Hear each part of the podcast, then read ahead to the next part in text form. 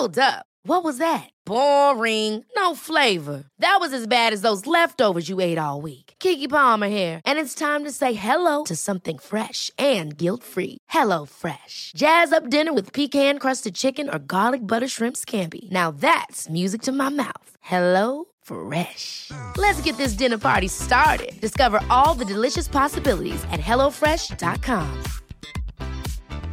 Hey, it's Ryan Reynolds, and I'm here with Keith, co star of my upcoming film, If, only in theaters, May 17th. Do you want to tell people the big news?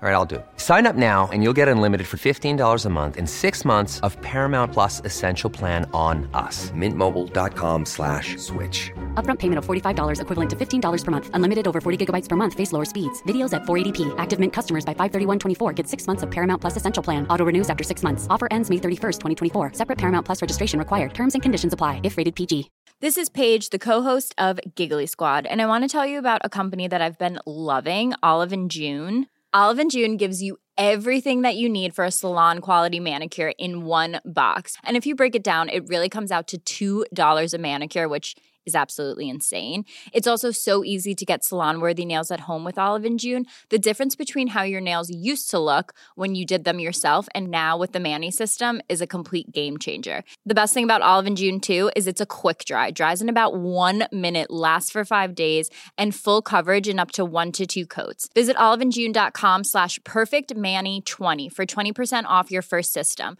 That's oliveandjune.com slash perfectmanny20 for 20% off your first system. Veckans sponsor är Telia. Hos Telia samlar man mobil, bredband, IT-support, mobilväxel, allt som gör företagande enkelt. Och det är just det här att samla allt på ett ställe, att ha någon att vända sig till när det inte fungerar, det är Telia. Ett exempel på vad som inte är Telia, det är ju som när jag lyckas boka förmötet för en poddinspelning med Finansinspektionen till efter själva inspelningstillfället.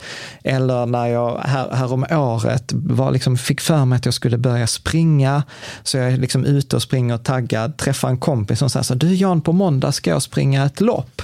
Och jag känner så här, ja men det låter inspirerande, så jag käkar pasta, jag byter om, tar mig ner till Malmö stadion för att göra en efteranmälan, står där i kön och sen så när jag liksom anmäler mig så tittar de på mig och säger så här, du Jan, vårhuset är bara till för kvinnor. Och eh, det var, det var typisk en situation som inte är Telia. Oavsett, ett stort tack till Telia som sponsrar, gör Rika Tillsammans möjligt, men framför allt tack till dig som lyssnar, följer och eh, hänger med oss varje vecka. Dels är att vi har inte upplevt de här när det förstörs otroligt mycket kapital. Vi har, vi liksom, vi har inte det i blodet. Vi, har, vi förstår det inte. Vi kan inte greppa det. Du lyssnar på Rika Tillsammans-podden som handlar om allt som är roligt med privatekonomi. I den här podden får du varje vecka ta del av konkreta tips, råd, verktyg och inspiration för att ta ditt sparande och din privatekonomi till nästa nivå på ett enkelt sätt. Vi som gör den här podden heter Jan och Caroline Bolmesson. Idag är det dags för avsnitt 144. Mm, som är en del två på Ja, precis. Förra avsnittet. På förra avsnittet med Erik Strand. Eh, precis. Detta är ju egentligen ett, man skulle kunna kalla det för samarbete, men det är inte samma för vi får inte betalt och utan detta är helt enkelt, vi tycker att Erik är så fantastisk och att döma av reaktioner från er läsare, att vi fick in över 50 frågor till Erik eh, tyder ju på att, och att han har varit med sex gånger tyder ju på att han är väldigt Han uppskattad. poppis, ja. Mm. Men du, om du skulle återge, vad tog du med dig från denna andra delen i förhållande till den första? Det var mycket som var bra, men det Mm. var en grej, det var när vi pratade om här eh, Den här studien från Artemis. studien från Artemis, Ja, eh, där de visade någon graf liksom, som var lite så mindblowing. ja precis. Eller, Ja, ja, ja, vad men- tog du med dig då? Ja, men det var precis samma sak. Jag fick ju ett så här två veckor innan, eh, innan eh, vi skulle spela in, så skickade Erik ett mejl bara, du, jag vet att du gillar att läsa. Här har du en artikel på 65 A4-sidor med liten text. Och eh, den byggde på den här spännande frågan så här. Om det är så att du skulle vara ansvarig för din familj och dina barns ekonomiska framtid, du ska liksom välja ut hur du ska placera pengarna de kommande hundra åren. Så att de liksom, de, allt hänger på dig. Och, Detta går många män igång. ja, ja, ja, men det är så, såklart. Och, men du får bara lov att eh, placera pengarna en gång, så du får inte ombalansera. kan man få inte göra något med dem Man får inte göra, utan du ska Nej. placera pengarna så att de håller, bevarar sitt värde i över hundra år. Och det, för mig var det ganska mindblowing, ta det perspektivet. Och då kommer de fram till något som de kallar för drakportföljen. Och jag tyckte detta, och det Känn på den. Ja, och jag tycker det resonemanget som vi hade med Erik om det här var, tyckte jag var väldigt givande. Mm. Framförallt just där när vi pratar om att vi ofta gör ett misstag i förhållande att vi tittar för nära i historien. Mm. Sen svarar han ju på massa frågor. Vi pratar om hållbarhet och guld. Vi pratar om lite av hans nya IDM-fonder. Eh, vi pratade lite om risk och marknadsläget och ja men såklart Silvergruvor. silvergruvor, olika typer. Det var också så här frågor från när jag läser, så här, vad är det för skillnad på juniora, seniora och streamingföretag? Jag var så här, jag visste inte ens att det fanns. Nej. Men Erik hade koll, Erik hade koll. vanligt. Så jag tänker att eh, vi behöver inte recensera avsnittet, utan jag tänker att vi släpper på Erik och vi hoppas att du gillar eh, det här avsnittet lika mycket som vi. Och är du dessutom en av våra Patreon-medlemmar så kommer Erik vara med i en eh, intervju. Så det är alltså en sån här livepodd där han kommer att svara på frågor för dig som är på Patreon. Så då kan man gå in på patreon.com rika tillsammans så kan man läsa mer och hänga med oss och vi kommer ha liksom after works eh, både i Malmö och i Stockholm nu i mars månad också. Och fler i framtiden för dig som lyssnar på detta efter mars 2020 såklart. Då släpper vi på Erik. Varsågod. Varmt välkommen tillbaka Erik. Tack. Eh, Du är ju professionell fondförvaltare som har förvaltat eh, fonder och andra människors kapital i mer än tio år. Eh, Och du har ju också en lång bakgrund, både med stort intresse för matematik och du har fäktats på landslagsnivå. Eh, Du är den mest populära gästen, jag tror vi är uppe i sex avsnitt eh, nu på bloggen tillsammans. Och eh, nu driver du ju fonder under varumärket AUAG med fokus på guld, silver, green tech och som vi också pratade om i ett tidigare avsnitt, kanske Sveriges mest riskfyllda fond. Så varmt välkommen tillbaka. Tack, tack. Och jag tänker ju att vi fortsätter väl egentligen med frågorna. Vi har ju fått Mm. in så väldigt mycket frågor, så att det är ju verkligen brinnande ämne det här. Så att jag tänker vi hoppar eh, rakt, eh, rakt in i det. Mm. Pontus Rosén eh, På frågar på Twitter. Dollarn släpptes fri från guldet 1971. Efter det började skuldberget som växer till skyarna.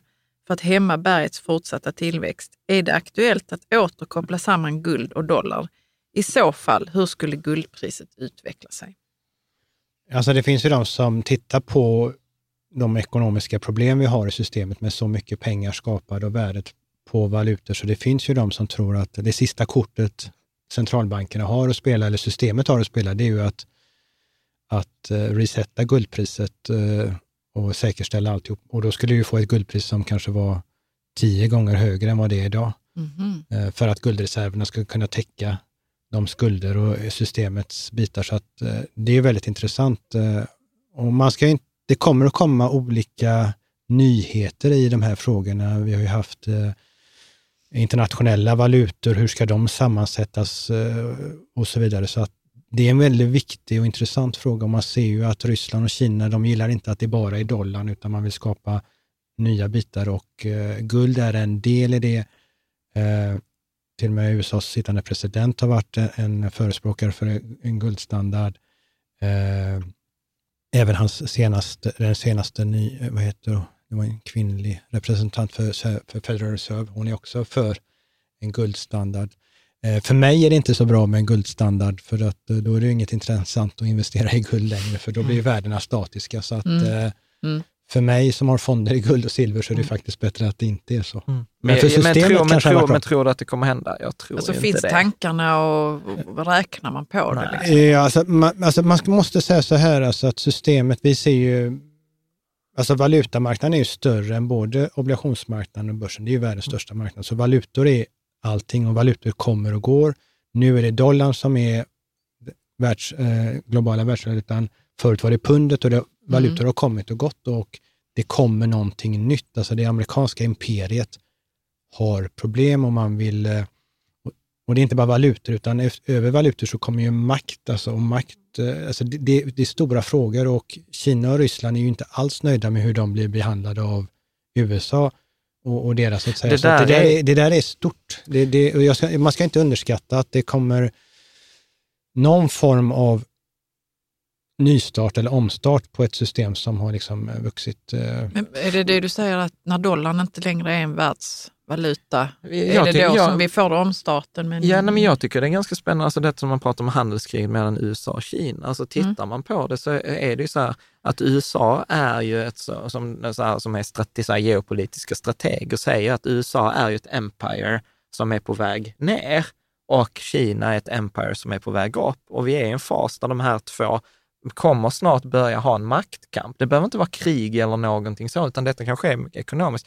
Och till exempel USA vill ju ha konflikten så tidigt som möjligt, för man är så mäktig som möjligt och dollarn är så stark som möjligt.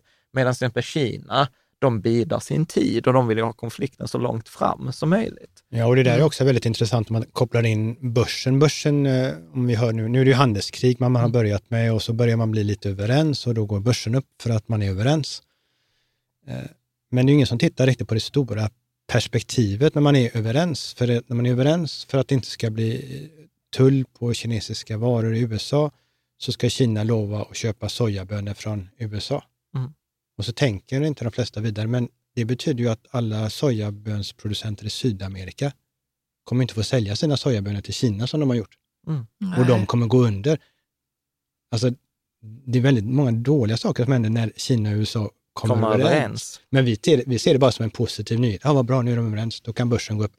Eh, och där hoppas jag också att liksom, man, man börjar se mer på helheter i, Mm. i vem, vem drabbas av att två stycken kommer överens om de, de gör Men det. vad, vad har vi för nytta egentligen av att veta det, att det är så mycket mer som ligger bakom? Nej, men alltså, jag tycker det är, det är lite tragiskt att, Ja, att det är- börsen, alltså alla blir glada och sen så är det Mm. då massa lantbrukare i Sydamerika som, som går det i känns som konkurs. det och är blir av med alltid är någon som... eh, Ja, så så är blir det. det. Och, det, är och det, det där är mm, stort. Men jag tror eh, valutor, dollar framåt.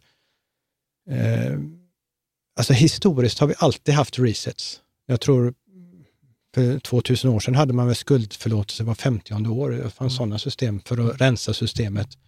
Eh, och det har man ju tittat på nu också. Ska man antingen, om, antingen måste vi bli av med alla skulder i systemet, eh, men då får ju de som har lånat ut pengar inte tillbaka sina pengar. Mm. Eller så måste vi få en ordentlig inflation i systemet. För har du 10 inflation i fem år så har du halverat Mm. problemet med skulderna.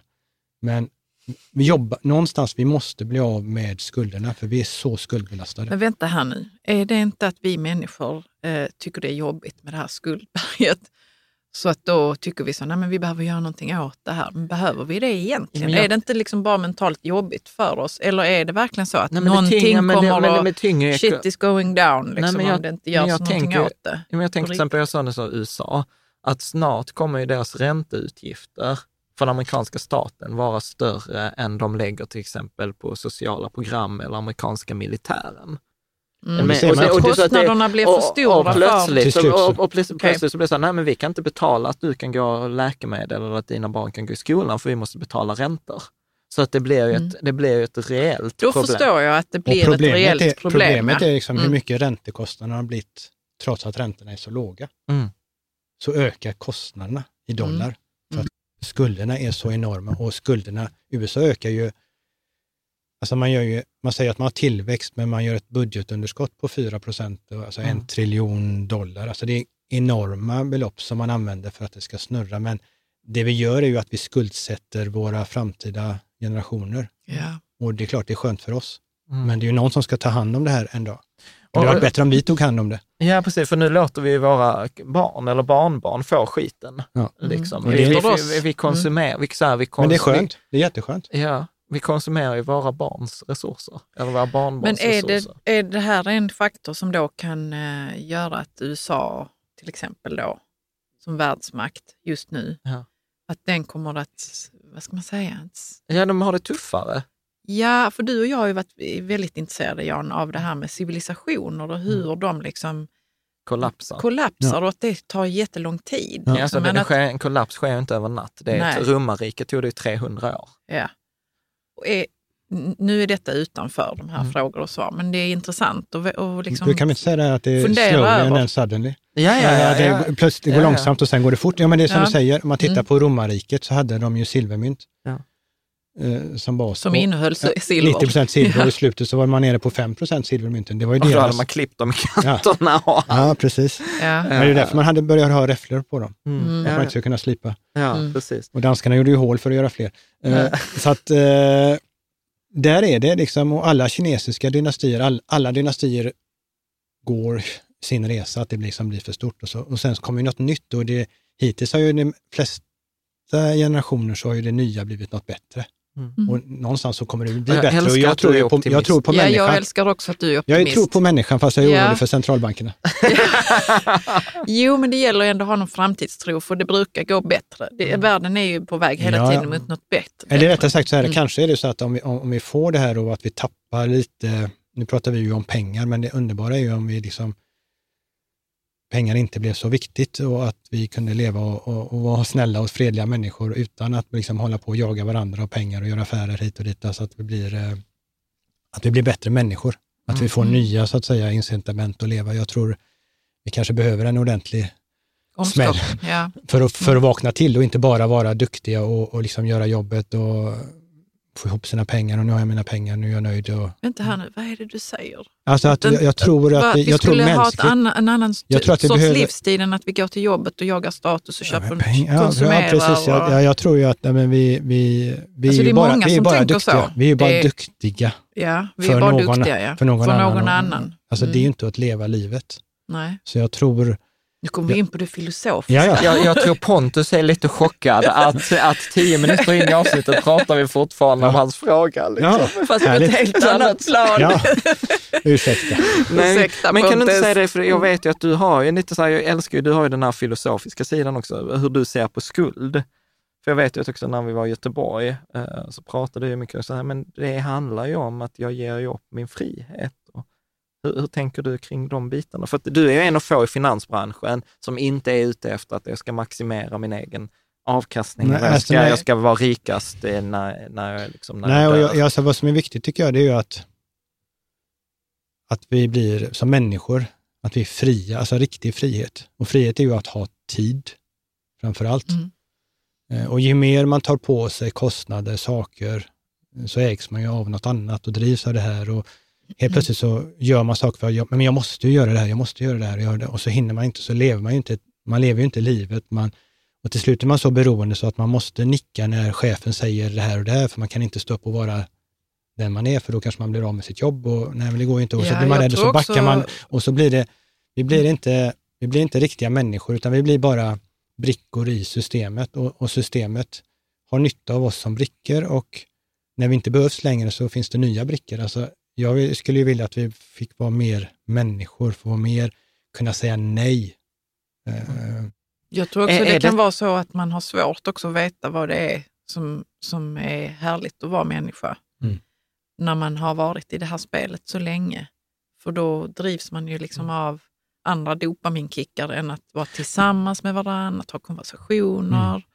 Att liksom ha ledigt, att liksom ha tid att tänka och så. Eller? Mm. Ja, och, och sen tänker jag liksom att ha tid, det är ju inte för att, och nu har jag jobbat så mycket, nu är jag så trött så nu lägger jag mig och har skön tid på soffan. Och så Mm. är det, alltså, Mm. det blir ju liksom en lite fel väg, alltså man ska Ja. ha tid för att vara kreativ och för Mm. att kunna, eller prata med vänner eller liksom nå, i ett, något som utvecklar. Är detta din yogasida som talar nu? Att det är, Ja. jag, det är inte fondförvaltaren Erik, utan det är yogin Erik. Ja, eller egentligen, alltså mina fonder som de handlar lite om guld och silver, så har jag inte en övertro på att vi, är styr, att vi ska styras av systemet och att staten är någonting ovanför oss. Alltså, mer att det är vi som är människan, det är vi som är, ska vara staten. Mm. Alltså, att- Vi ska ha Staten, kontrollen. nej, staten är till för oss, vi är inte till för och det är staten. vi som Ja. utgör staten egentligen, det är inte Mm. den som ska rädda oss, det är vi som ska se till att staten fungerar som den ska. Så att, vi, Mm. att det, vi vågar. Men tyvärr blir vi liksom så defensiva att vi, vi, liksom, vi inte förlorar det vi har så, så, så, och så fattar vi liksom lite svaga beslut. Mm. Mm. Jag tänker att vi ska göra ett liksom, brutalt Ja. hopp här till nästa In på finansen. fråga. Ja, precis. In på, eh, vi borde ha sånt här avsnitt där vi inte pratar om pengar Ja. eller fonder överhuvudtaget. Filosofi utan vi bara med pratar, Erik. ja, Nej, men ibland, precis. ibland det känns viktigt, Filosofiska- annars blir det så lätt att man pratar bara om, om, om investeringar och pengar och då, Mm. det, är, det är, tycker inte jag är- det är inte det viktigaste. Mm. Nej, men jag håller, jag håller helt, helt med dig. Det är ju inte, pengar är, som vi har själv sagt i ett annat avsnitt, så här, pengar är inte lösningen, pengar är bara en förstärkare eller liksom ett verktyg. Men jag tänker vi ska ta Martin Leiders. Mm. Detta var en kul diskussion eh, i kommentarstråden på Facebook. Då skriver, eh, ska du ta först Martins fråga så tar jag svaret sen. Eh, när han tror att silverkursen ska ta fart. Ja, så Martin undrar så här, när, när tror du När att tror silverkursen, och sen så kommer Joppa som svarar till Martin så här, Mm. eh, Joppa ner, eh, alltså det har ju påståtts att silvret är undervärderat och snart kommer rusningen. Hela Liberty Silvers affärsidé var just detta och det var tio år sedan. så att det är väldigt roligt att att läsa. Joppa svarade där. Ja. Men vad svarade Eh, ja, Erik? bå- Båda har rätt, höll jag på att säga. det som är intressant i silvermarknaden, eh, om vi inte ska gå in på alla detaljer där, men eh, vi kommer nog kunna se en enorm prisexplosion just på att vi håller på att få en fysisk brist på en, en helt oumbärlig råvara. Eh, så det, prisexplosionen kommer. Eh, sen kan man säga så här att, eh, vem var det som skrev det nummer två där? Eh, Joppa, Joppa. Joppa. Joppa Nygren. Eh, men nu ska vi inte prata om Liberty Silver, men Liberty Silver så har ju också kanske nog haft rätt i sin tro om att priset ska gå upp, men priset har tyvärr, som i många marknader, eh, om vi nu tittar på eh, både räntor, valutor och elektricitet, så har storbankerna, man ska, om man säger manipulerat så kanske man blir stämd, men alltså, jag brukar säga på engelska managed markets, inte manipulated, alltså det finns en liten skillnad där. Men man har alltså styrt priserna Eh, Och det här är väldigt intressant just nu eh, i dagarna, eller det här mån- Februari 2020. Liksom, Ja, nu är det här väldigt intressant för att under tio år så har JP Morgan, som är världens största affärsbank, gått kort alla uppgångar. Alltså de har trott att eh, silver Nej, de har, nej, de har gått kort för att kunna tjäna pengar för att, jag ska försöka förklara det, här, men priserna har gått upp. Mm. JP Morgan, som en, heter som en commercial, jag skriver mig ofta om detta, de har gått kort uppgången. Mm, så de förlorar pengar. Så de har förlorat förlust. Men sen när det här snitterna, genomsnittspriserna börjar komma upp med uppgången och närma sig, då har de lagt stora säljordrar som kallas för spoofing, Mm. i, mitt i, en, i natten. Och då har de fått priserna att vika ner. Och, Då har de tjänat pengar. nej, och, och då när priserna vikit ner, de har dragit tillbaka sina ordrar där, då har de här trendföljande datastyrda systemen som inte kan tänka med mänsklig hjärna, som bara reagerar på att det har gått igenom Mm. snittet, då säljer de och då har de köpt tillbaka sina korta positioner. Och det här har JP Morgan gjort i tio år och aldrig tagit en förlust. Okej. Aldrig. 100 Och detta, är detta lagligt?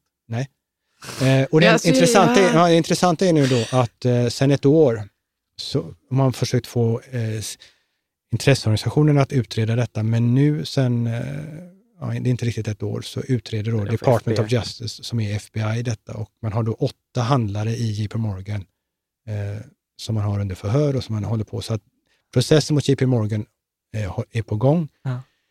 Hur mycket pengar har de tjänat på detta? Alltså JP Morgan har ju tjänat enorma pengar på detta, plus att de nu då har skapat sig en fysiska reserver, så i slutändan kommer de vilja ta en stor prisuppgång. Men det är de som har styrt, de får det dit de vill. Mm. Och nu har vi en särskilt intressa- intressant situ- situation i och med att det här kanske slutar, i och med att det det är FBI som utreder.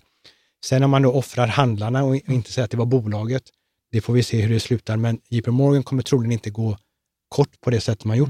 Och just nu så är de sju andra stora storbankerna, commercials, korta guld och silver och sitter med orealiserade förluster på över 70 miljarder.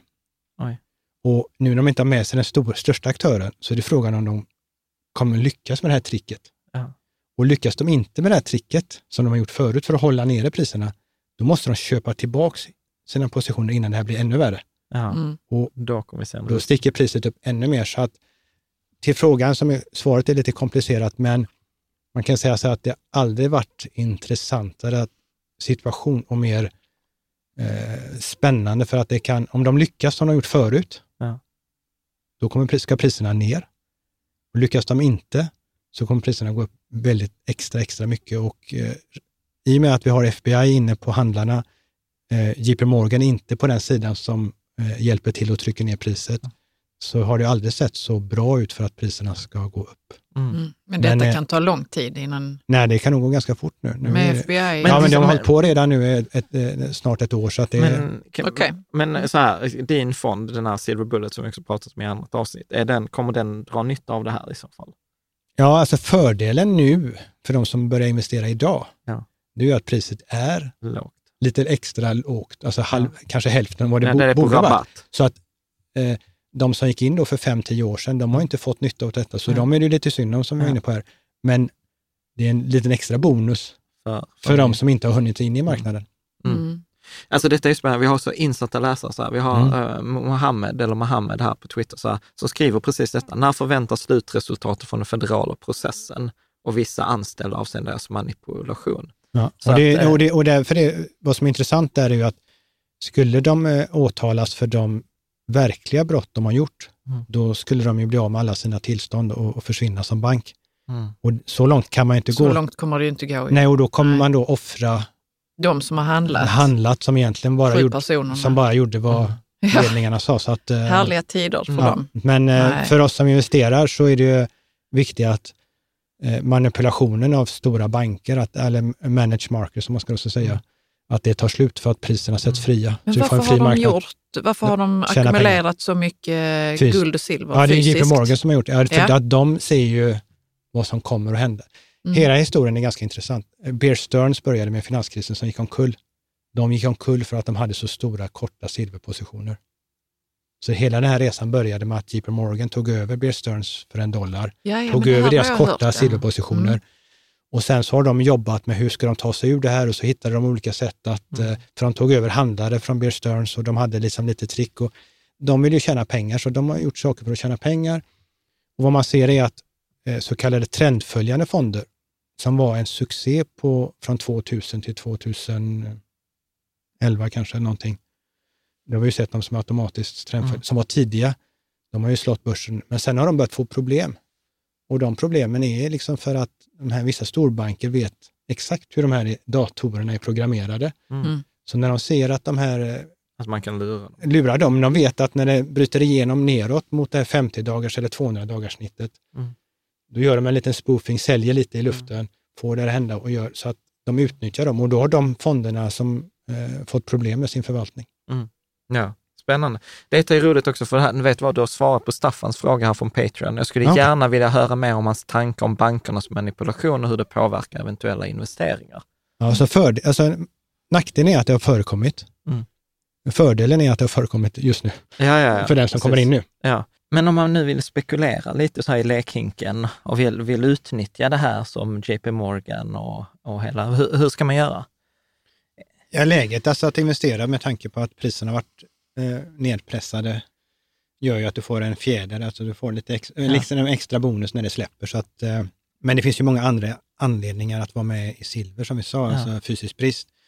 Det behövs i all eh, high-tech, eh, det behövs i green tech som vi sa. Ja. Sen är silver också, eh, används inom sjukvård, det är bakteriedödande. Ja. Så på sjukhus är det det man använder för att ta, liksom, ta koll på superbugs. Så att, och det, bör, det kan man ju se redan, till och med sjömännen kom på det av en slump att de kastade silvermynt i sin vattenreserv.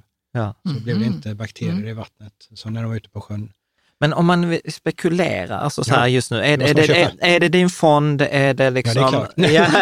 Ja. Ja, men hur Det gör man praktiskt? Nej, men- Nej, men eh, precis, alltså silver, om vi sa som vi sa med tidigare tillfälle, att eh, om man tror på guld Ja. så ska man köpa silver.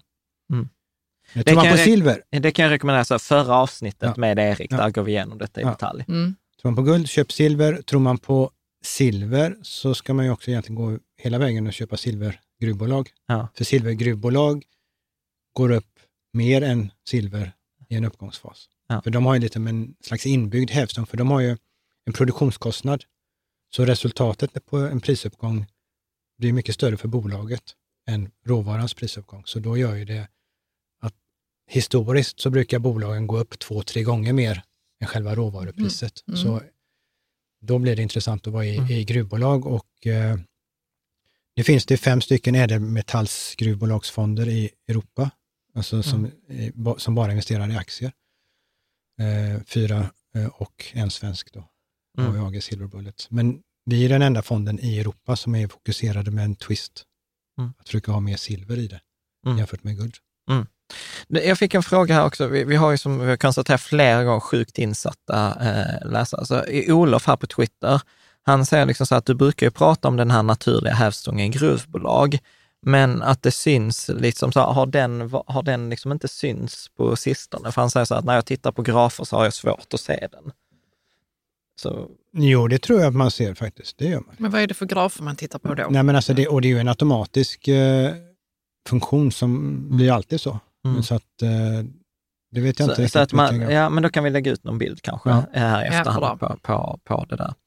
Får Bra. hoppas att det stämmer då. Ja, ja men absolut. Jo, det det. Absolut. Nej, men det vet jag, för det handlar ju om förväntningar och aktier och sådant. Men sen har du upp och nedgångar och i nedgångar så går det ju liksom åt andra hållet. Så att, Ja. eh, och, Det och slår priser och osäkerheter och sen, sen kan priset vara en sak och sen så har du en förväntansbild på priset. Alltså det, är, Ja. ju- det är ju inte en helt enkel mekanism. Nej, Men vad är det precis. för grafer? Är det, tittar man på silvrets eh, pris gentemot en silvergruvs Bolag, ja. bolags Och så ska, och då ska, precis. Alltså så grejen är, detta, det är, detta är en av grejerna jag tar med mig från de här två avsnitten med dig, att man ska ju se det som liksom en skala, att om man väl har liksom aktier och sen tänker sig guld, så är även guld en skala från guld som är mest safe till då gruvbolagsaktier som är Mm. mest riskabla. Så att det är liksom en skala inne i skalan, Mm. vilket jag tycker är ganska, för jag har innan inte tänkt, jag har tänkt bara så här, guld. Så jag har fått liksom lite fler Vi gillar ju att tänka enkelt. Ja, men det är precis. inte enkelt. Det är inte alltid. Nej. Men vet du vad, jag tänker så här att vi, vi ska gå in på eh, göra gör ett litet sidospår här. Vi har mycket fler frågor om dina fonder och sånt också. Mm.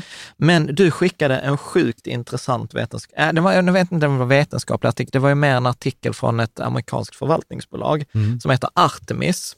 Vad Eh, var det, för, alltså, var det en artikel om deras... Ja, men det var en researchartikel. De har, de har massa doktorander anställda. Okej. Eh, Och eh, så har de liksom istället för att forska liksom för att publicera någon annan artikel, liksom, så, journal, Publicerade i en tidskrift. ja, så, gör de det i sin eget, som sitt eget white paper. Mm. Och sen säljer de in det till. Och då heter denna så här, liksom The Allegory of the Hawk and the Serpent. Men det coola är så här, hur man då eh, får sina pengar att växa och skydda dem i hundra år. Om jag ska ta eh, lite i detalj så ställer de sig den här frågan så här, nej men att föreställ dig att du ska ta hand om din familjs ekonomiska framtid i hundra år. Mm. Så att det är din familj, det är dina barns framtid hänger på dig. Men det är liksom, där är en liten hake och det är att du får bara liksom välja en portfölj en gång och sen måste du ha denna i hundra år. Så du får inte göra några förändringar i portföljen på hundra år. Och då är det så här, hur får man sina pengar att växa på hundra år? Vem sa detta nu? De leker med den De, tanken. de leker, men de, bör, Mm. de tog avstamp i den frågan. Mm. Att, ja, det är lite roligt. Varför stack denna ut för dig? Alltså det som är intressant är ju vad de kommer in på. Men också intressant är ju att det är ganska få familjer, dynastier som har varit rika i 100, 200 eller 300 år. Mm. Man kommer, alltså, de flesta skapar pengar och sen förvaltar pengar Mm. och sen så försvinner pengarna. Mm. Alltså, av olika anledningar. Och det är för att det händer saker som vi, det har ju som ni har varit inne på mycket psykologiskt beteende. Alltså vi, vi bygger ju liksom framtiden på det som har hänt de närmaste 10, 20, 30 åren. Ja, sina egna erfarenheter. Ja, och, och sen så speglar vi det framåt, och, och så, så bygger vi på det. Men oftast är det så att just det är de här framåt, det är då det händer där andra, de här stora sakerna Ja, det som är en inte har annan hänt. spänning som Mm. infinner Och då, sig. då har man med sig den, den här modellen, bakåtmodellen i framtiden och, och då kanske det raderar ut allt. Och det är det som har hänt är att under de här hundra åren så har du de här tillfällen när det vi ser som en normal, säker, diversifierad portfölj totalt fallerar. Allt, allt försvinner och då, då spelar det ingen roll vad man har för genomsnittsavkastning varje år, Ja, för pengarna är borta. ja. Och, och för genomsnittsavkastning är lurigt, utan det är de här stora, stora, stora förlusterna som kan uppstå eh, som skapar det där problemet. Och hur, hur löser man det så att man verkligen... För jag tänker, jag tänker att vi ska bryta ner detta Mm. och gå igenom, vi ska inte gå igenom hela rapporten, för den är ganska komplicerad. Ja. Jag själv fick läsa den tre gånger innan jag liksom så här tog, mig, tog Mm. mig igenom den. Men det, Jag får jag bara fråga han, Ja. finns det verkligen inte eh, familjedynastier där man har liksom haft pengar i så 200 år? Jag, tror man tänker har så två, i tre, USA, två, och så, tre, nej. Vanderbilt eller, jag har inte koll Ja, på men- dem, men jag tänker så, har inte de kvar sina Eh, pengar? dollarn har bara funnits i hundra år, så att det är inte stora familjer, de skapades Nej, men jag tänker, På 20-talet. Nej, du har några engelska familjer, ja, några engelska familjer. men det är väldigt få. Mm. Ja. Nej men det där har jag också funnit, alltså så här, du vet de som var så här superstora för, för hundra år sedan. Vilka var de? Nej men Rockefeller till exempel och de här olje, oljebaronerna. Men liksom grejen är att det- där är de här cyklerna, alltså jag, jag såg någonstans så här, att på 1920 av USAs 500 största bolag, så 2020 är bara fem av dem kvar. Bland USAs 500 största. Alltså, Liksom. vi har ju en stor familj som egentligen har styrt världsekonomin. Alltså Rothschild var ju för 250 år sedan, eller 150 år sedan kanske, nu har inte året exakt. Vad man sa var ju att de ägde hälften av hela världens förmögenhet Mm. in upp till 1900-talet. Eh, Och, Och, sen, de har funnits sedan ungefär... och de, de sponsrade, alltså JP Morgan och Rockefeller, alla de har ju fått sin support Rothschild. från Rothschild. Eh, sen drabbades ju den familjen, alltså att den blev ju för stor. Och sen så kom det politiska eh, nya under mitten av 90-talet, 1900-talet, som inte gillade de här grupperingarna och som slog sönder lite av det Mm. enorma imperiet. Eh, och sen har det splittrats ut, men alltså det går verkligen i, eh, i vågor. Ja, de pratar ju, för det är en av de grejerna jag skrev här i anteckningarna, vi pratade också i början av avsnittet, att det går, för de pratar mycket om de här cyklerna, wealth creation och wealth redistribution, eller wealth destruction. Men jag tänker så här, nu vill jag prata här. Jag pratar nu, jag ska inte avbryta dig. Så här, men det är en spännande fråga för ett annat avsnitt, hur Ja. det är med släkten. Men det problemet Mm. är att varken jag eller Erik har läst på Mm. när du kommer med... Inte jag heller. Nej. Mm. Men då vad de gjorde i den här studien var att de gick igenom eh, fyra olika generationers perioder, eh, som på 20 år styck, och sen en livstid. Så de tittade liksom på 100 år. Och sen återskapade de då professionella strategier och pensionsstiftelser. Liksom, och syftet var ju då att, precis som Erik är inne på, att lära av de här gamla misstagen för att liksom kunna ta bättre beslut. Och resultatet är en liksom sån här, för jag måste visa, 50 sidors pdf. Och där var faktiskt väldigt många saker som liksom så här överraskade mig, måste jag, eh, måste jag säga. Och sen är de ju lite så här att han gillar ju så här, jag vet inte vad en all- allegory är på svenska, metafor eller, Allegori. eller allegori. Ja. Där han pratar om då eh, höken och ormen, eller Vem är, örnen. vem är han? Han som, de som har skrivit det här företaget, Mm. Artemis, han Christopher Mm. Cole eller vad han heter. Mm. Och då pratar han om liksom så här, den upplysta höken eh, som är i den här ständiga kampen mot den primitiva ormen. Liksom. Och eh, att det är liksom en evig kamp mellan de här två komplementen, liksom det som bygger upp och det som river ner. Mm. Så jag tänker att vi börjar här med ormen. Och jag läser några liksom brottstycken därifrån. Då säger de så här. The serpent represents a period of secular growth fueled by the virtuous cycle of value creation and rising asset prices. The growth cycle begins naturally through combination of favorable demographics, technology, globalization, and economic prosperity. As the secular boom matures, it's corrupted by greed, as devaluation and debt expansion replace fundamentals, not unlike a serpent devouring its own tail. Så vill du översätta till svenska, vad, vad är det de säger här? Ja, de säger väl egentligen, alltså i starten, eh, efter en, en större nedgång, så har man ju kanske börjat sanera, man börjar bygga saker från, från rätt grund till rätt värderingar. Och eh, som har nu, man har, ibland har man ju perioder när, när befolkningen, alltså det är mer ar, Folk unga som människor som jobbar än pensionärer och, och allting. Och lite, det sker lite tekniska Framsteg. framsteg. Eh, De här sakerna kommer ihop och man som sagt, eh, och sen så byggs det här och man får, det går bättre och bättre och bättre för hela biten. Men när det börjar gå för bra så börjar det ju skapas eh, Girighet girighet, lite dåliga beslut, folk börjar roffa åt sig det ena det andra, ojämlikheter. Man har lånat, man ja, man lånar, man, alltså det blir fel, fel prissättningar. Mm. Och det, det är en typisk cykel. Ja, så att vi, liksom, man har den här uppgången och sen när uppgången så blir det liksom en nedgång.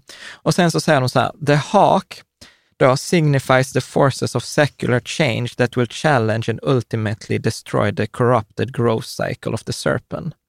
Uh, the left wing of the hawk is deflationary, deflationary path, where an aging population leads to low inflation, faltering uh, growth, a financial crash and then debt default. Så vill du förklara? Alltså någon gång så när vi närmar oss den här tiden när, när det inte orkar längre, när det Ja. liksom bryter igenom. Ja. Och det är ju för, av någon anledning alltså att eh, de här fördelarna vi hade är borta, så att eh, som nu kanske vi börjar se att eh, 40-50-talister eh, går i pension och, och, och alla de bitarna. Det, bitarna, vi har inte med oss det vi hade. Alltså, vi kan ju se här till exempel att eh, hur billigt det var att producera. Vi har flyttat all produktion till Asien, det var jättebilligt. Det har dragit ner all inflation. Men snart går det inte att flytta produktionen Den kan billigare och, då, och då, då försvinner hela de här 20-årsmomentumet vi haft med sänkt inflation på grund av billigare arbetskraft. Det är slut på det nu. Mm. Eh, och det är sådana bitar som börjar hända och då, och då börjar ju skulderna bli synliga och, och vem ska betala? Om någon säger att Nej, men nu vill jag tillbaka mina pengar och de som sitter med, med, med skulderna tvingas betala och inte har pengarna. Mm. Och behöver betala räntor istället för att betala mat, Ja, som vi var inne på, eller betala det- liksom, sociala välfärdsprogram. Mm. Och, och då säger de så här, och då leder det till en finansiell krasch och sen att man inte kan betala sina skulder. Och sen pratar de att the right wing of the hawk represents inflation, fiat default and helicopter money. Neither party is mutually exclusive and they often occur sequentially. The pattern is as old as money itself. Eh, Så att du säger liksom så att den här kan liksom gå på två, två Ja, sätt. det ena är ju ja, precis lite som jag är inne på att ena är ju att det blir problem på skuldsidan och att liksom, eh, skuldsystemet imploderar. Mm. Alltså att eh, ja, man tar bort skulden eller blir av med skulden, man kan inte betala default, alltså man kan inte betala sina skulder. Och så blir det ju problem då för den som har lånat ut pengar, för de pengarna kommer inte in där, så det blir ju en massa problem på det sättet.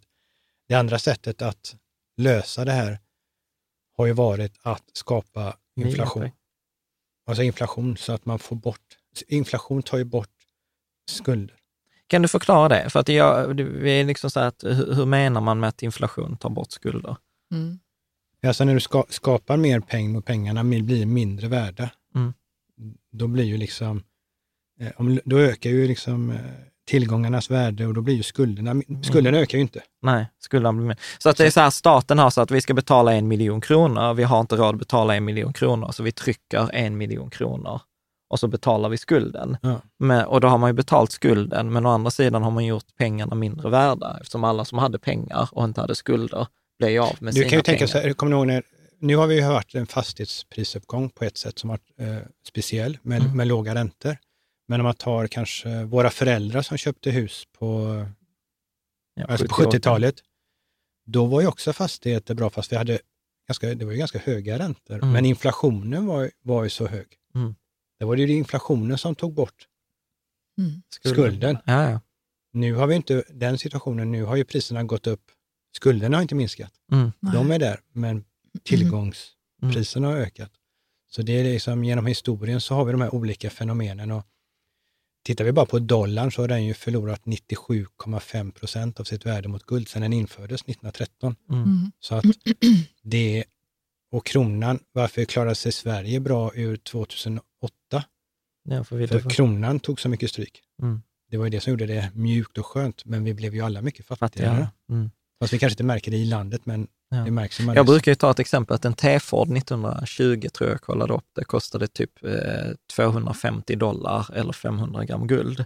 Och en Ford 2019 kostade tv- 20 000 dollar, Nej, men, jag- fortfarande jag, jag, 450 jag tänker gram mycket, guld. mycket, mycket tid, alltså senare nu. Jag tänkte, eh, nu reser jag inte alls särskilt mycket till USA, men jag hade en period för några år sedan jag åkte till USA lite extra. Jag vet inte varför jag gjorde det, men Ja. det kändes var intressant då.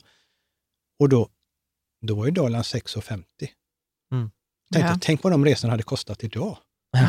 Herregud, jag tyckte de var dyra då. Mm. Men jag menar, idag hade de liksom kostat 50 procent Mer. mer nästan. Det är ju helt galet. Mm. Alltså, det hade inte gått att göra de resorna. Mm. Så att Och om, det är ju kort tid. ja, ja, ja, det är ju inte, det är liksom inte från 19, början på 1900-talet. Nej, det är, det är nej, nu, nej. nutid. Ja, ja, nej men precis. Sen, sen har ju de, Karo, detta var ju lite roligt, för när du såg den här artikeln så var din första kommentar. Ja, men jag var så, vad är det för bilder? Och så, det ser lite sektigt ut. Liksom. ja. Med ormen som biter sig själv i svansen. Och Alltså det, här, jag, ska lägga ut de här bilderna på bloggen. Alltså det är helt fantastiska illustrationer. Men liksom vad de pratar om är ju då att liksom vi har de här olika scenarierna. Vi har de här uppgångarna, de secular growth, secular decline. Vi vi har de här att vi kan hamna i ett deflationsscenario eller vi kan liksom hamna i ett inflationsscenario. Alltså skulderna måste bort på något Skulderna sätt. måste bort på ett eller annat sätt. Och då säger man liksom, om man då har ett hundraårsperspektiv, då måste man ju ta hänsyn till det här. Så det är de som försöker svara på, hur bygger man den här hundraårsportföljen? Och sen så börjar de titta då, så hur har olika portföljer klarat de här senaste hundra åren? Ja. Och det som var då väldigt intressant, som blev så här lite för mig så här, wow, var att till exempel de konstaterade att den här klassiska portföljen som vi gillar, nybörjarportföljen, som är 60 procent aktier och 40 procent räntor, så var det så att eh, 90 procent av värdeökningen av den portföljen de senaste 100 åren, alltså när kom majoriteten av utvecklingen? Det kom bara eh, på de eh, senaste 22 åren. Men så i 70 år var den dålig.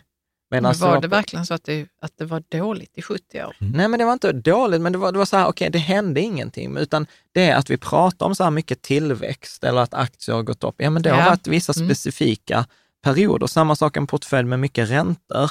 Ja, den har legat i princip flat, liksom. Och sen har den liksom under vissa var det 70, 80, 90-talet, så har den ökat jättemycket.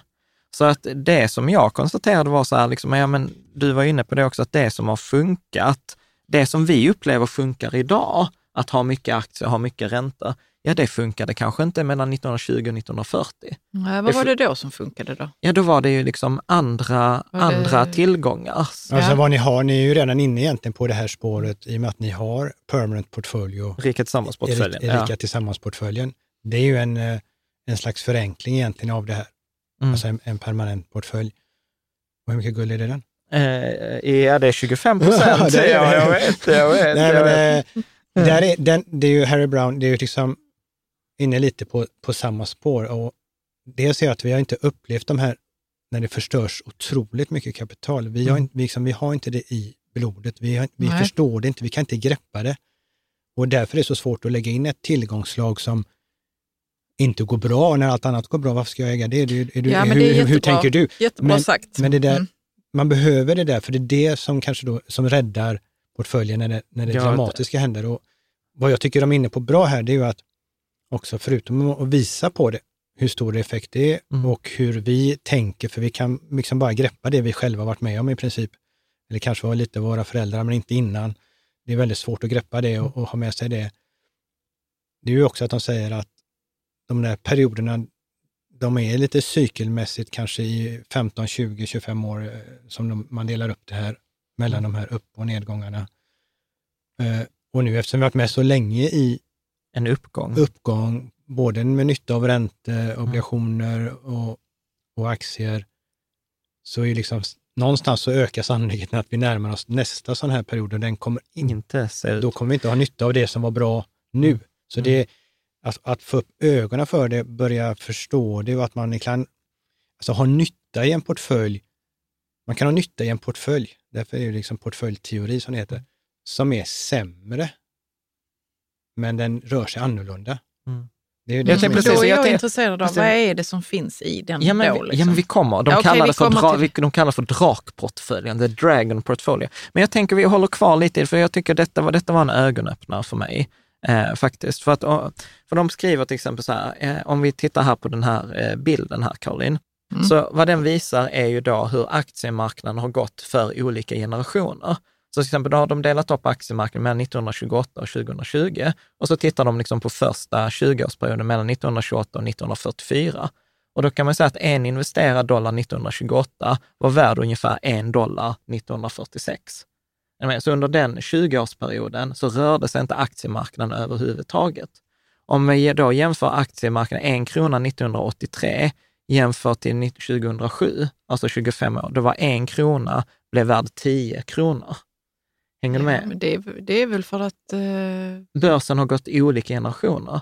Ja, okej, men är det inte också för att börsen har, att vi har utvecklat så mycket i, inom Nej. eh, den Nej. finansiella Nej, för att om du sektorn, tittar på liksom. 1940 till 1960, ja då gick det från 1 till 6. Så det handlar för Ah, okej, varför, varför ja, gick, varför jag gick fattar inte detta. Varför, ska det, varför är det som att det går så olika? Jo, men detta är ju en sån grej som Just vi det, inte... att Vi, det går olika. det Det, är just går- det som är grejen. Att Ja. det går olika. Att, alltså, vi är så lätt att vi tror att det ska gå som det har gjort de här åren. Men Ja. nu kanske vi kommer i en period när en krona, en krona på börsen är en krona Om på börsen 20 år. Du får ingenting. Och detta har sjukt stor påverkan. Jag har liksom aldrig tänkt på det på det här sättet, för då var det till exempel så här, ja men någon som är uppväxt med 1920 och 1940, de som fick barn där runt 1935-1940, när de sen växte upp och var till exempel 20-25 år gamla, och så ska, säger någon till dem så här, men du vet, investera i aktier.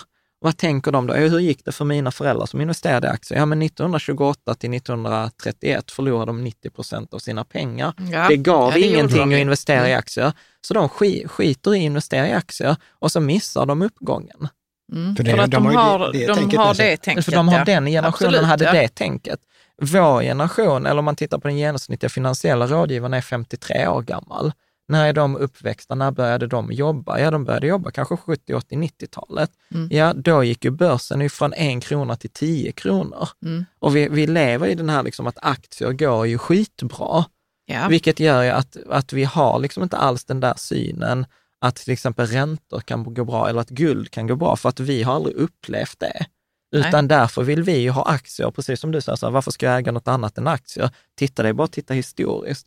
Men man tittar aldrig innan 1980.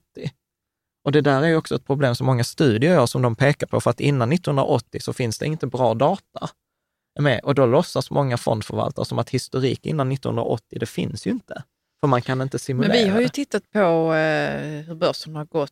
Eh, Sen 1870, precis, men Ja. det är en börs. är det en börs? Jag Ja. tänkte precis så, vilken börs var det egentligen? Ja. Och sen är det som sagt, det blir väldigt stor skillnad när man börjar titta på genomsnittsavkastning Mm. eller man tittar på den ackumulerade avkastningen. För tittar man på genomsnitt, då tar man bort effekten av de här dåliga åren som vi pratat om förut. Alltså att Mm. de här dål, riktigt dåliga åren, de förstör så otroligt mycket. Mm. Och det, är det, det tappas lite grann när man tittar på genomsnitt. Det tappas då, ja. Det ser Mm. man inte alls. Nej. Så, så att vad de säger, till exempel i den här forskningsartikeln, så de, de skriver det här rakt ut. Traditional portfolios are not excessively risky or wrong, just not optimal. Liksom. Och så skriver de så här, the classic 60-40 equity fixed income, risk parity passively managed portfolios suffer from recency bias and are highly reliant on assumptions derived from once in a century bull market stocks and bonds. Det vill säga att vi, det vi är vana vid nu har vi liksom allas insikter vi dragit från en 20-årsperiod som egentligen är ganska ovanlig de senaste hundra åren. Mm. Och så säger vi att vi utgår från att det här undantaget är det som är normalläget. Ja, för Att vi, vet inget för vi annat. vet, för vi vet, inget, eh, vi vet inget annat. Och för att det är extremt svårt för någon finansiell rådgivare eller för bloggare eller för någon annan att säga så här, nej men vet du vad, placera pengar här i den här tillgången som inte har presterat på 25 år. Vem köper den?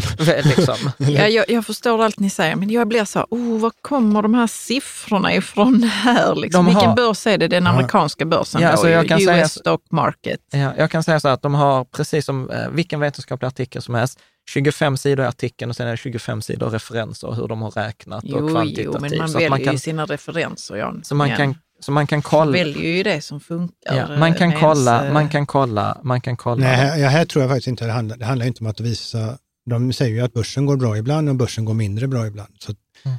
Det är ju inte att börsen inte går bra, utan det är ju att det, det svänger mycket och det är Mm. väldigt svårt för oss att uppfatta. Vi gör ju egentligen lite tvärtom, man ska ju göra tvärtom hela tiden. Egentligen Mm. om man ska lyckas så ska man vara lite, man säger ju contrarian, det finns ju det ordet, Ja. contrarian. Ja. Särskilt när det har gått lång tid i en sektor, men det är väldigt svårt att tänka så.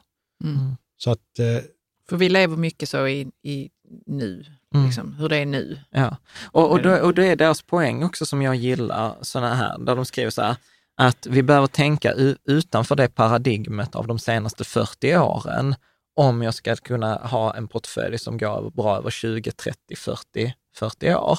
Så, så vad de säger också är att det handlar ju inte om då att säga så här, nej men aktier har gått upp, då ska vi skita i aktier och köpa liksom räntor eller något annat. Nej. Utan, utan det som de pratar då är det här med kosmisk dualitet. Här blir det lite Woo! men vi ska, jag tänker vi ska bryta ner det. Ja. Jo, men då säger de lite som, eh, de gör massa liksom, referenser till exempel till teologi, att de säger till exempel att inom buddhismen eh, så handlar det ju liksom inte om att det ska vara det ena, att man ska välja liksom så konsumera och sånt, eller att vara liksom snål och liksom Mm, inte unna sig okej. något, utan att det handlar om att, eh, go, vad ska man säga, att eh, att se att båda finns liksom, och ha en balans mellan dem. Så att som i krig så handlar det om dualitet, som i Djingis khan, han vann genom att anfalla och göra reträtt samtidigt.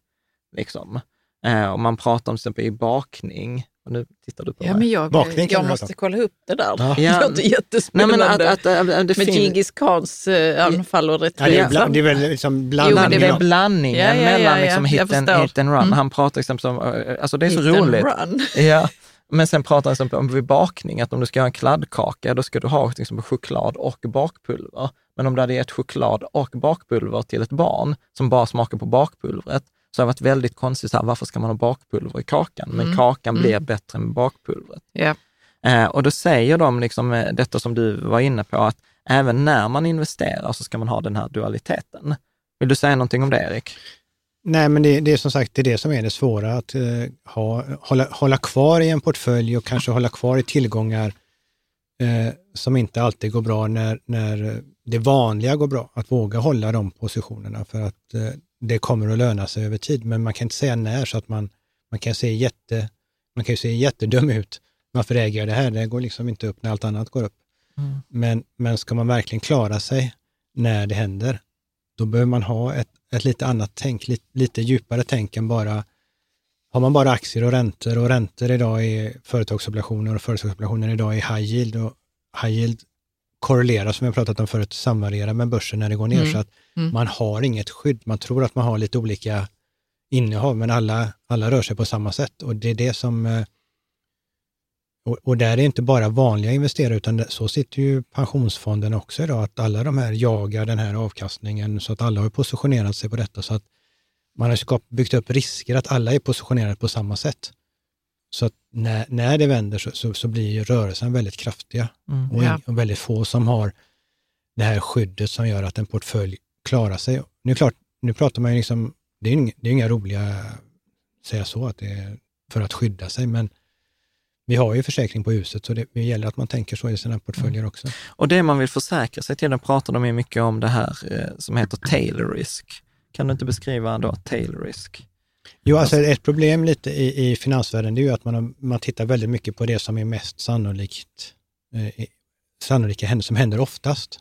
Och så säger man till 95 procent, så är det det här, så här. Men det som avgör förvaltning, det är oftast det som händer längst ut till vänster och längst ut till höger, den här tail, svansen som det heter, tail risk. Och både uppåt och neråt är den så mycket viktigare, men det är väldigt lätt. Finansindustrin har också gjort det enkelt. Nej, men vi tittar på det som händer i mitten, det är det vanligaste, det är det som är sannolikt. Men tittar man historiskt så är det de här ytterligheterna som påverkar portföljen extremt mycket. Och, och det har man tappat lite. Och det har man sällan något skydd mot. Och det, det är ju det de, alltså det de kommer fram till, är ju då att man ska inte ha eh, en, alltså det som kommer vara optimalt för de kommande hundra åren, är så här ointuitivt inte då 100 procent aktier. Utan de säger att då, då behöver du ju ha liksom en balanserad portfölj. Och nu blir det ju lite nörderi. Vi Är det kommer- drakportföljen? detta då? är drakportföljen då. Mm. Och jag tänker att snart ska vi ska hoppa ur det här eh, hålet, men detta är så sjukt i- intressant. Eh, för då säger de så här att där, om den optimala portföljen sedan då 1920-talet handlar då om att naturligtvis ha aktier för de perioder aktier går bra, men max då typ 25 procent aktier. Vilket är ganska intressant, för det är precis vad Rika Tillsammans-portföljen är och riskparitetsportföljen är. Sen pratar de om 20 procent eh, räntor. Mm. Eh, sen pratar de om 20 procent fysiskt guld, vilket också är så sjukt intressant, för det är det du alltid pratar om. Så här, ja, man ska, ska man ha guld så ska man ha försöka ha tillfälligt. 20 på, Minst 20 procent. Ja, eller hur? Eller hur? Tillfälle. Ja, jag har ju sagt det innan jag läste i alla fall. Ja. Ja, jo men precis. Denna artikeln släpptes nu i januari 2020. Du, Mm. Vi har ju gamla avsnitt med dig där du säger det, så att det är spännande. Men sen, så det är det så, 20, 25 procent aktier, 20 procent räntor, eh, 20 procent guld. Och sen kommer två andra tillgångsslag som jag själv inte har i någon portfölj. Och det ena är de kallar trend following commodities, alltså råvaror, om jag förstår det rätt. Menar de då ett råvaruindex? Eller menar de något annat? För det fattar inte jag riktigt. Ja, nu kom jag in på index. Nej, men Ja. rå, råvaror säger Ja, de ju. Sen ja. om man använder bolag eller om man använder råvaran eller hur, hur man mixar upp det. Ja. Men Eh, absolut råvaror då. Råvaror, ja. Alltså Och- det är ju mycket som är råvaror väl? Eller? Ja, men då pratar man väl om olja och koppar och eller vad, vad tänker Ja, det är ju råvaror. Ja. Alltså råvaror är ju vete och mjöl, alltså vete också. Alltså, Det finns ju... Soja, ja, men det är råvaror. Ja, men det är råvaror. Ja, men det Mm. finns ju index för det. Varför jag reagerar lite på index är ibland att eh, det som är bra med ädelmetaller när det gäller råvaror, Ja. det är att de handlas till spotpris. Ja, Eh, Medan vanliga råvaror, eh, när du investerar, är i futures ja, och de, de terminer som ska rullas. ja. Och när du gör det som investering så tappar du. Så att även om du investerar, nu kan man inte investera i olja, men säg något annat av vete. Om vete går upp 40 procent, men i, i sådana guld som går upp 40 procent, då får du guld. 40, 40 Ja, men, men i vete som går upp 40, då kanske du bara får 20 procents avkastning, för du tappar i den här Aha, contango-kurvan när du ska rulla de här, för det inte är spotpris. Så det, det är lite, klö, lite svårare och- och Ja. i, i de råvarorna än just ädelmetaller. Ja. Mm. Och sen, Men då, och sen ska jag faktiskt vara, här ska jag erkänna min okunskap. Någonting som jag aldrig hört talas om innan jag läste den här artikeln. 20 procent i active long volatility. Vill du förklara vad... vad Ja, egentligen är det mer än vad jag kan också, men vad man kan säga... Vad skönt att vi är båda två. Nej, men vad man tittar på är, hela marknaden är lång, vad de säger. De är långa kort volatilitet, alltså att, Ja. att eh, som det har gått nu när räntorna går ner och volatiliteten går ner och så vidare, så att eh, in, ingen, ingen har skapar avkastning när volatiliteten stiger. Det såg vi nu i måndags när börsen gick ner 4 procent. Okej, jag tror Men- du behöver säga det på svenska för att inte ens jag hänger med. Alltså att börsen går ner, gick ner 4 procent när volatiliteten gick ju upp. Ja, så det var, och volatilitet De hade- alltså, är ju de hade- rörelsen, Ja, alltså så- alla som handlar Ja, ja, och, liksom när, det, hur när, det mycket oroligt, förändring. när det blir oroligt så går det här ju upp. Ja. Eh, jag kan ta ett bra exempel. Det fanns en finansiell produkt Ja. på volatilitetsindex. VIX. Ja, är det den som heter VIX? Ja. Och så fanns det en som var inverse VIX, som Ja. tjänar på att den här kurvan gick neråt. Ja. Och de här investerarna, de tjänade typ 10 procent om året, för det, volatiliteten blev lägre och lägre och lägre, så gick den ner till 9 eller 8 eller någonting. Ja. Och sen hände någonting för, jag tror om det är två år sedan nu.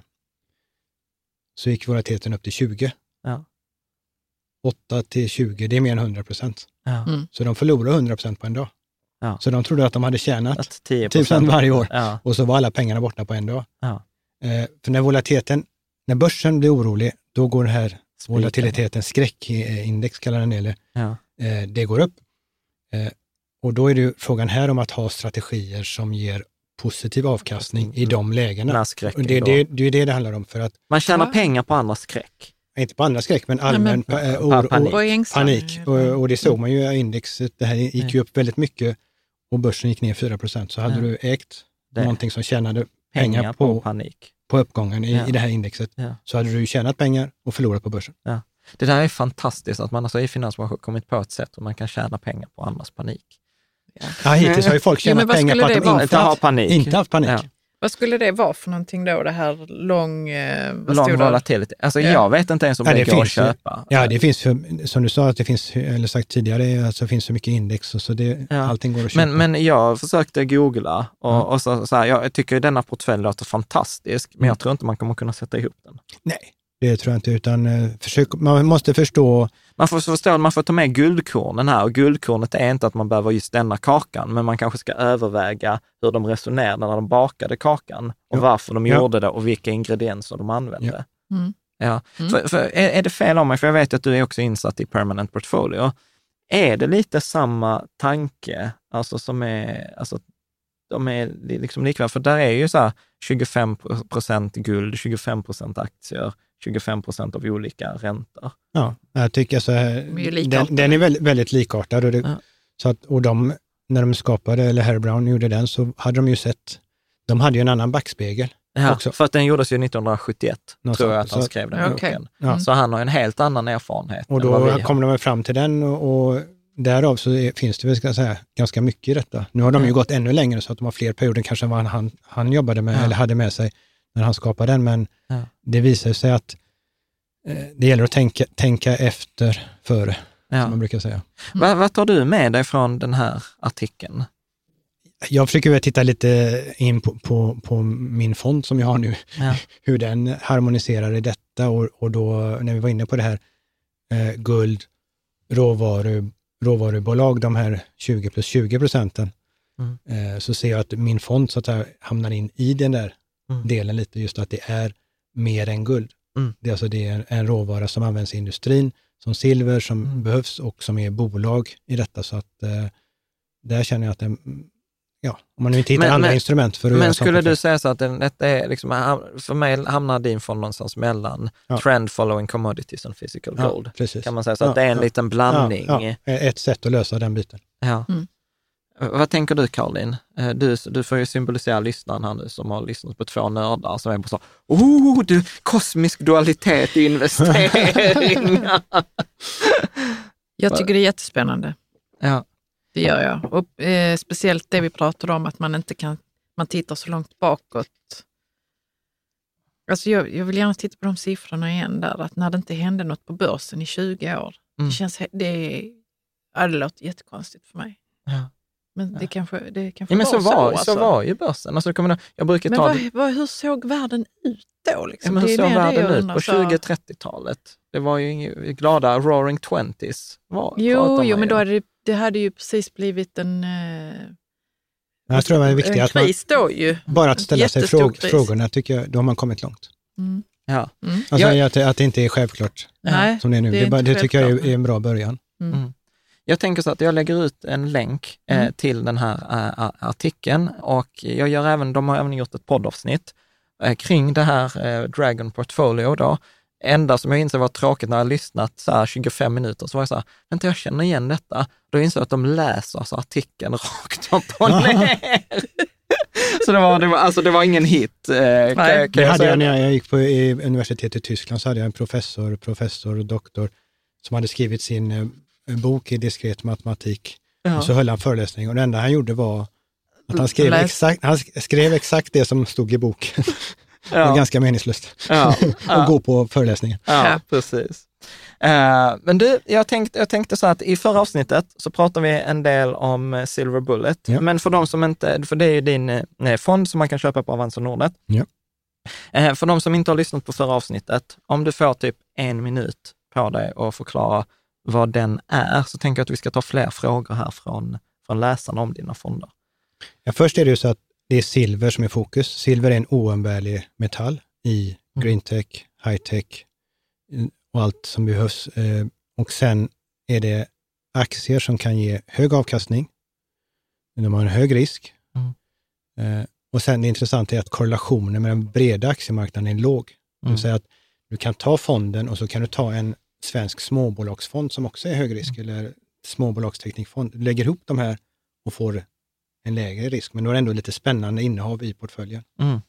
Precis, för det var ju så här, realtid.se hade ju skrivit Sveriges mest riskabla fond, att den kan, liksom så här, den kan backa 80 procent, men den kan också gå upp 600 procent. Ja, över, en, över långa perioder, cykliska perioder, så, så, så är det nu är det ju så att börsen går ju också upp 200 procent och så går Ja. den ner 60 procent. Så Ja, ja, ja. Det, det, I en skala så är, svänger det mer och eh, har lite mer eh, bakom sig. Men, och sen är det en ganska enkel fond så sätt att den är, på engelska säger man long only, bara långa innehav. Så att går, det här, går den här marknaden ner så går fonden ner. Mm. Går den här marknaden upp så går fonden upp. Så jag, det är ganska, lite mindre, det är inte så att jag ska... Vad jag, Förutsäga marknaden. jag ska inte förutsäga marknaden på något sätt, utan tror man på den här marknaden, då är det ett bra verktyg att använda. Du, nu, nu ställer jag den första egna frågan som inte läsarna Ja. ja. kom. Nu blir jag inspirerad här. Tror du att man kan tajma marknaden?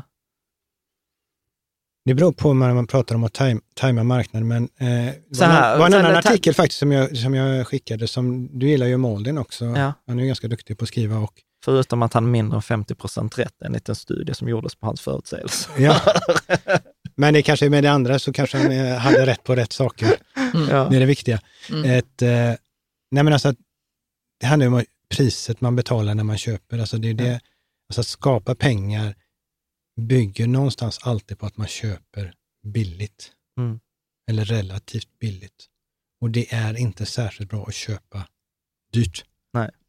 Och det som gör det svårt för oss nu, det är att vi i den här långa uppgången är i en fas där risken är att det är, det är ganska dyrt att köpa den vanliga börsen. Men på vilket, då, då tittar, då måste du ändå titta på en ganska lång tidsperiod. Något. Eh, när du säger så här att det, det är dyrt. För när jag tänker så här, tajma marknaden, då är det sån här klassiker. Så här, jag vill bara vara med på uppgången, men jag vill inte vara med på nedgången. Ja, nej, jag, jag tittar ganska långt, alltså när jag försöker se ett mönster och jag vill helst in, egentligen inte heller använda backspegeln för att se framåt, utan Mm. man måste någonstans skapa sig en, en känsla av, där är vi. Eh, jag kan fortfarande tro att börsen kan gå upp jättemycket mer. Om man ökar penningmängden tillräckligt mycket så kommer man trycka upp börsen, även om det är crazy.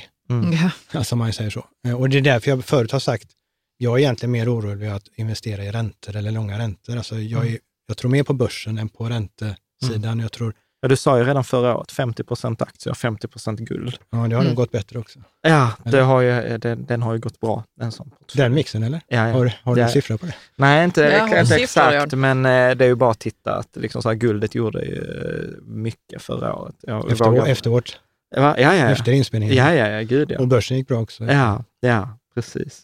Men du, jag tänker här, från Kalle på Twitter. Fysiskt guld versus gruvor, ej junior versus streamingbolag. Jag fattar inte ens frågan, men jag tänker att du kanske förstår. Det sista, sista Junior Ja, versus streamingbolag. Ja. Eh, Det är väl några sådana olika typer av, är det så, gruvbolag, eller som förädlar. Ja, Eh, Om man tror på ökande guldpris, vad får det för effekt på guld versus gruvor och på junior versus streamingbolag? ja. Alltså om man säger så här att om, om eh, guld slash silver Ja. går upp så kommer gruvbolagen gå upp Mm. i snitt två, tre gånger mer. Det är liksom så, Mm. så det fungerar. De går Vänta, varför sa du nu? Om två, tre gånger går gruvbolag Ja, bättre, än, än... råvaran. Okej. Men det går åt andra hållet också. Ja, ja. Vi pratade om det. ja, i förra förra avsnittet. Precis. Så den, den faktorn är där, så att det är väl kanske svar på den första delen. Mm.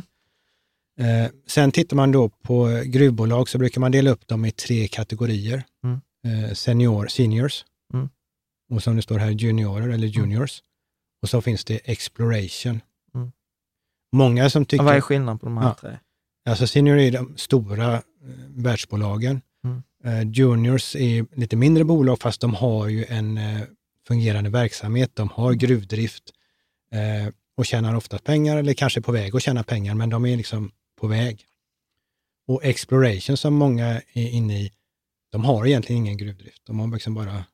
bi- Projektering. Ja, Ja. Mm. och där är klart, där kan du ju se dramatiska upp och nedgångar. Där är ju, fonden investerar ju inte sånt. Min fond investerar ju i bolag som har... Så det hade gått att göra ris- mer riskfyllt? Ja, absolut. Och färre bolag. Sju plus, Färre bolag. sju plus är inte tillräckligt. Ja, nej, men alltså färre bolag. Fonden eh, investerar ju enligt UCITS-reglerna just för att man ska ha en diversifiering, att inga innehav Ja. är för stora. Eh, och där skiljer det sig till och med mot, det i USA finns det en ETF mot silver miners. Eh, nu är den ju svår att köpa i Sverige, men även om man ville köpa den Ja. så är den dåligt konstruerad, för där är det största bolaget 24 procent. Ja, okej. Och det är inget bra index om ett bolag Har är så 23. stort. Nej. Ja, eh, fonden Silver Bullet följer ju UCITS-reglerna och då har man ju ett större skydd som investerare. Mm. Men det är fortfarande riskfyllt med silver och gruvbolag. Mm. Eh, sen streamingbolag kommer man in på där. Det är ju en, eh, en variant. Jag brukar lägga dem mellan råvaran och guldgruvbolag, eller gruvbolagen. Mm. Eh, för de har lite mindre risk. Och anledningen är att de fungerar som en bank som är bara fokuserad på gruvdrift. Mhm. Alltså de lånar pengar till de här bo- gruvbolagen. Mm. Eh, och för det så betalar de 25 procent av spotpriset på råvaran och så kan de ha lite andra optioner. Ah, får de- Men de här som behöver pengar får pengar då Mm. och de köper det billigt och de gör en portfölj där de lånar ut till många, bolag och sen är de att de inte gör någonting annat så är de ju ganska duktiga på hur, Mm. vilka risker som finns att låna till. Bankerna ska ju liksom, de kan inte den branschen. Nej. Så att, eh, Ja, och, och då blir risken lite mindre på dem på ett sätt för att de har ju ingen drift, de har inga kostnader. Nej, De har ingen Nej, utan det personalkostnader är som bolag. Ja. Men det gör att de går inte heller upp lika mycket. Bra. Mm. Jättebra svar. Jag har aldrig kunnat svara på det själv. Mm. Det, sista frågan här om dina fonder. Mikael Brander på Patreon. Eh, få honom, alltså de är så sköna formulärer. Mm. Mik, jag känner ju Mikael, så Mikael, du kan formulera bättre än få honom att. Få Mm. honom att berätta mer om Greentech eh, Elements och AU, AU AG Bullion. Så du har, du har tre, fyra minuter. Okej, Max. ja, det är ju de tänkta kommande fonderna som jag nu då bara har som diskretionär förvaltning. Ja. Eh, och eventuellt det vi kallar för IDM-fonder. jag har ju fokuserat mycket på guld och silver, men egentligen så lägger jag hela mitt varumärke och tänk i det periodiska systemet. Och det var lite roligt eftersom AIAG startades 2019. Periodiska systemet firar 150 år Mm. eh, 2019. Eh, Du vet att du är lite nördig. Ja. Men det roliga med periodiska systemet är att man kommer in på alla ämnen och egenskaperna i det. Och alla har sett periodiska systemet i skolan, men ingen tänker på det, men alla kan koppla till det. Och det är de här egenskaperna som fascinerar mig, för jag fick ganska mycket frågor ibland om guld, men vad ska man med guld till? Det har liksom ingen nytta och så vidare. Och då började jag tänka, vänta nu, måste vi börja fundera på vad är nyttan med saker?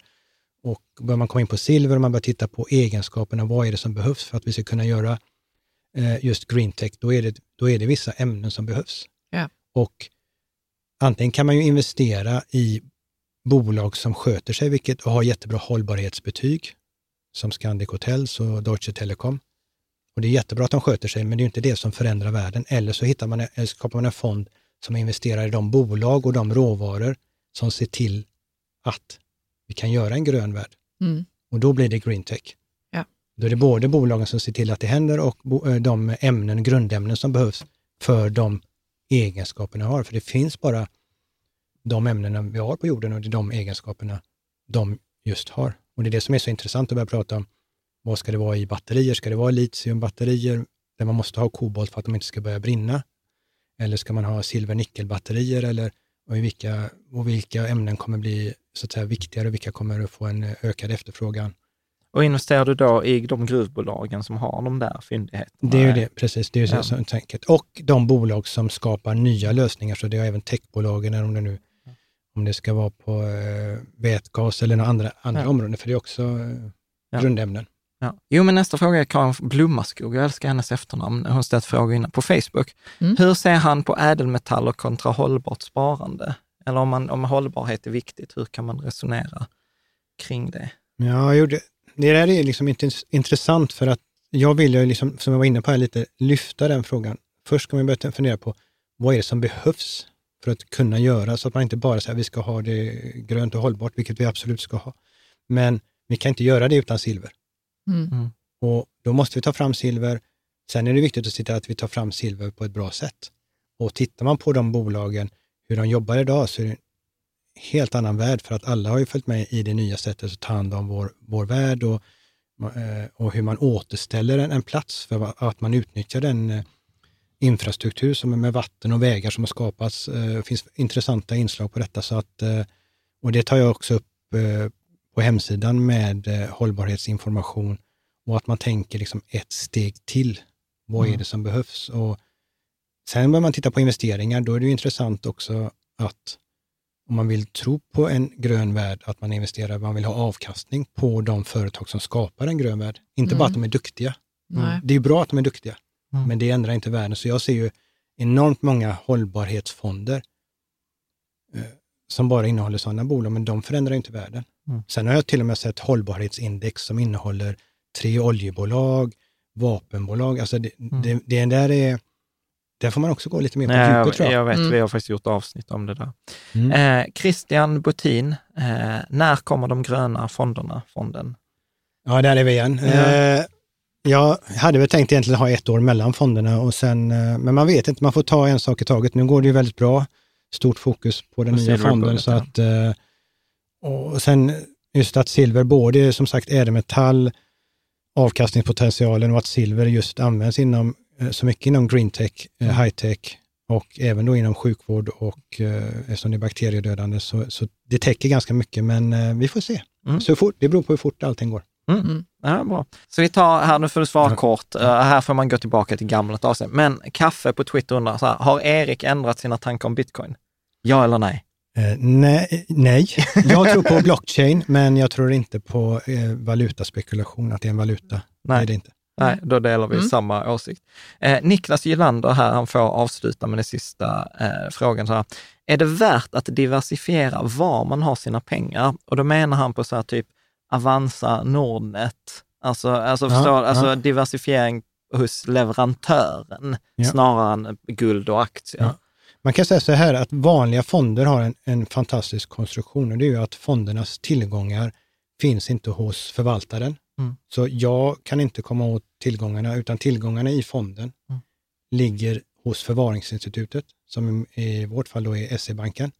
Men det ligger separerat från SE-bankens tillgångar, så alla aktörer där runt kan försvinna. Fondens tillgångar finns. Eh, så Men- ligger man i en fond så är det bra. Har man, har man eh, kontanter på sin depå, och det är väldigt mycket kontanter, då kan Mm. det bli en fråga. Och det där tycker jag är intressant, för det tror jag inte de flesta tänker på. Du som fondförvaltare kommer inte åt fysiskt Nej. pengarna som de har i din fond. För det är också så här vanligt misstag. Folk tror så här, men du kan göra ett eget uttag från fonden med kundernas eh, Ja, ja, nej, pengar. jag lägger ordrar och eh, aktien hamnar i eh, depån Ja. Ja. hos SE-banken. Ja, precis. Mm. Fantastiskt. Nu har vi pratat så här en och en halv timme här nästan, Mm. Erik. Eh, jag tycker ju alltid detta är magiskt. Vi brukar ha någon sån här sista, vi har redan frågat hur konstig du är och det Ja. vet Och vi det att du är. Ja, och det, och det vet vi att, vädret. har, har du någon sån här boktips eller om du skulle tipsa om någon så här, eh, vad, vad är någon spännande bok? Eller något du har läst förutom Nej, alltså jag titt, läser inte så mycket böcker inför, så jag tittar, tar det mesta på nätet. Det finns en kanal som heter Real Vision, Mm. som jag var med när det startade 2014, som jag tycker har väldigt mycket eh, kunskap och väl, man får väldigt mycket eh, värde för pengarna och eh, lite andra nyheter. Och, ja, det, det är Real Vision. Real Vision. Ja, Coolt. Är det nyhetskanal? Eller? Ja, man gör massa intervjuer. Så kan Mm. man prenumerera och så intervjuar de en massa olika människor Mm. som har lite olika åsikter om eh, Mm. frågor. Du, eh, Erik, ett fantastiskt stort tack för att du har velat vara här, svara på över 52 frågor från läsarna. Måste säga ett stort tack till er läsare. Som orkar lyssna. Ja, som orkar lyssna. Nej, men, men framförallt som ställer de här Ja. frågorna. Eh, liksom, det, och det, är ju så, det märker man ju så att det är engagerande frågor. De, det märks ju också på all den fantastiska feedback, att du är liksom nystartad eh, och sen var det två och ett halvt tusen eh, småsparare som har lagt pengar hos dig via Avanza och sånt. Så att det är ju verkligen, eh, men jag, jag, jag, så här, jag älskar att universum belönar de som gör bra saker. Att där är liksom orsak och, och Mm. verkan. Så att jag gissar att det, det är väl bara några månader tills du får komma tillbaka och sen fortsätter vi detta samtalet. Ja, och som. Karo kanske också säger så här, kanske vi har ett avsnitt där vi inte pratar ens om pengar eller guld. Tänk ett avsnitt där vi inte pratar om guld. Härligt. Här pratar om filosofi Ja. och livet och massa andra frågor. Mm. Så att, Mm. tack. Det är riktigt värdefulla. Tack. Ja, tack. Tack Erik.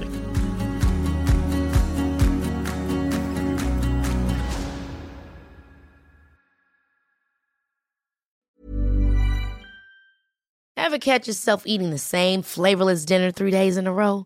Dreaming of something better? Well, HelloFresh is your guilt-free dream come true, baby. It's me, Kiki Palmer. Let's wake up those taste buds with hot, juicy pecan-crusted chicken or garlic butter shrimp scampi. Mm. Hello Fresh. Stop dreaming of all the delicious possibilities and dig in at HelloFresh.com. Let's get this dinner party started. When you make decisions for your company, you look for the no brainers. If you have a lot of mailing to do, stamps.com is the ultimate no brainer. Use the stamps.com mobile app to mail everything you need to keep your business running with up to 89% off USPS and UPS. Make the same no brainer decision as over 1 million other businesses with stamps.com. Use code PROGRAM for a special offer. That's stamps.com code PROGRAM.